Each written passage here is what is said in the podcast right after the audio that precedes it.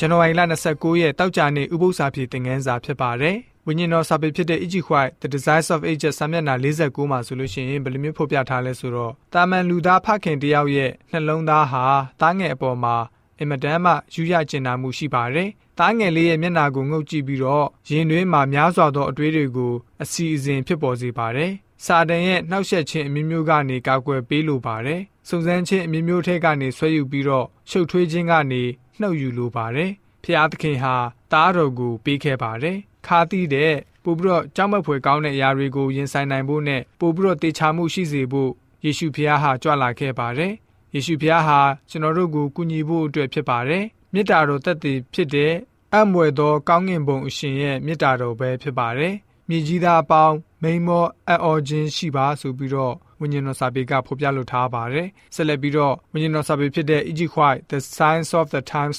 1896ခုနှစ်မတ်လ9ရက်ထုတ်စာဆောင်မှာခရစ်တော်တပါးသေးတာလင်လူတွေရဲ့ကယ်တင်ခြင်းအတွက်လိုအပ်သမျှကိုရင်ဆိုင်နိုင်တဲ့သူဖြစ်ပါတယ်။ဘယ်ကောင်းကင်တမန်ဘယ်လူသားကမှအဲ့ဒီအလုပ်ကိုလှုပ်ဆောင်မှုမထိုက်တန်ပါဘူး။ဖျားသခင်ရဲ့တပါးသေးသောသားတော်သာလင်မြောက်ထားခြင်းခံရပါမယ်။ရင်းနှုတ်ခြင်းရဲ့လုပ်ငန်းစဉ်ဟာအကန့်အသတ်မရှိတဲ့အကန့်အသတ်မရှိတဲ့ ကန့်သက်ထားလို့မရတဲ့ဇာတိကိုပိုင်သူသာလင်ပြုတော်မူပါလိမ့်မယ်။သခင်ခရစ်တော်ဟာယုံညံ့တဲ့အပြစ်လောကအတွင်းကိုဆင်းသက်လာခဲ့ပါတယ်။လူရဲ့အသွေးသားဇာတိကိုခံယူဖို့ဖြစ်ပါတယ်။အသွေးတော်ကိုပေးဖို့အသက်တော်ကိုပူဇော်ဆက်ကပ်ဖို့အပြစ်ကြွေးဆက်ဖို့အတွက်ဖြစ်ပါတယ်။ကောင်းကင်အစည်းအဝေးမှာလူသားတွေပြုတဲ့အပြစ်တွေကိုတိုင်းတာချိန်တွဲတဲ့အခါမှာအပြစ်အတွက်အမျက်တော်ကိုခံမှန်းခဲ့ပါတယ်။အဲ့ဒီအချိန်မှာသခင်ခရစ်တော်ကိုယ်တော်တိုင်ကနေကြာရှုံးနေတဲ့အပြစ်သားလူသားတွေအတွက် ဘယ်အခြေအနေမျိုးမဆိုရင်ဆိုင်ရမယ်ဆိုရင်လည်းပဲရင်ဆိုင်ရပါစေခရစ်တော်ဟာတာဝန်ယူမယ်လို့ဆုံးဖြတ်ချက်ချပြီးတော့ကြီးညာခဲ့ပါတယ်ဆိုပြီးတော့ဝိညာဉ်တော်စာဆောင်ဖော်ပြချက်အဖြစ်တောက်ကြနေဥပုသ္စာပြေသင်ခန်းစာက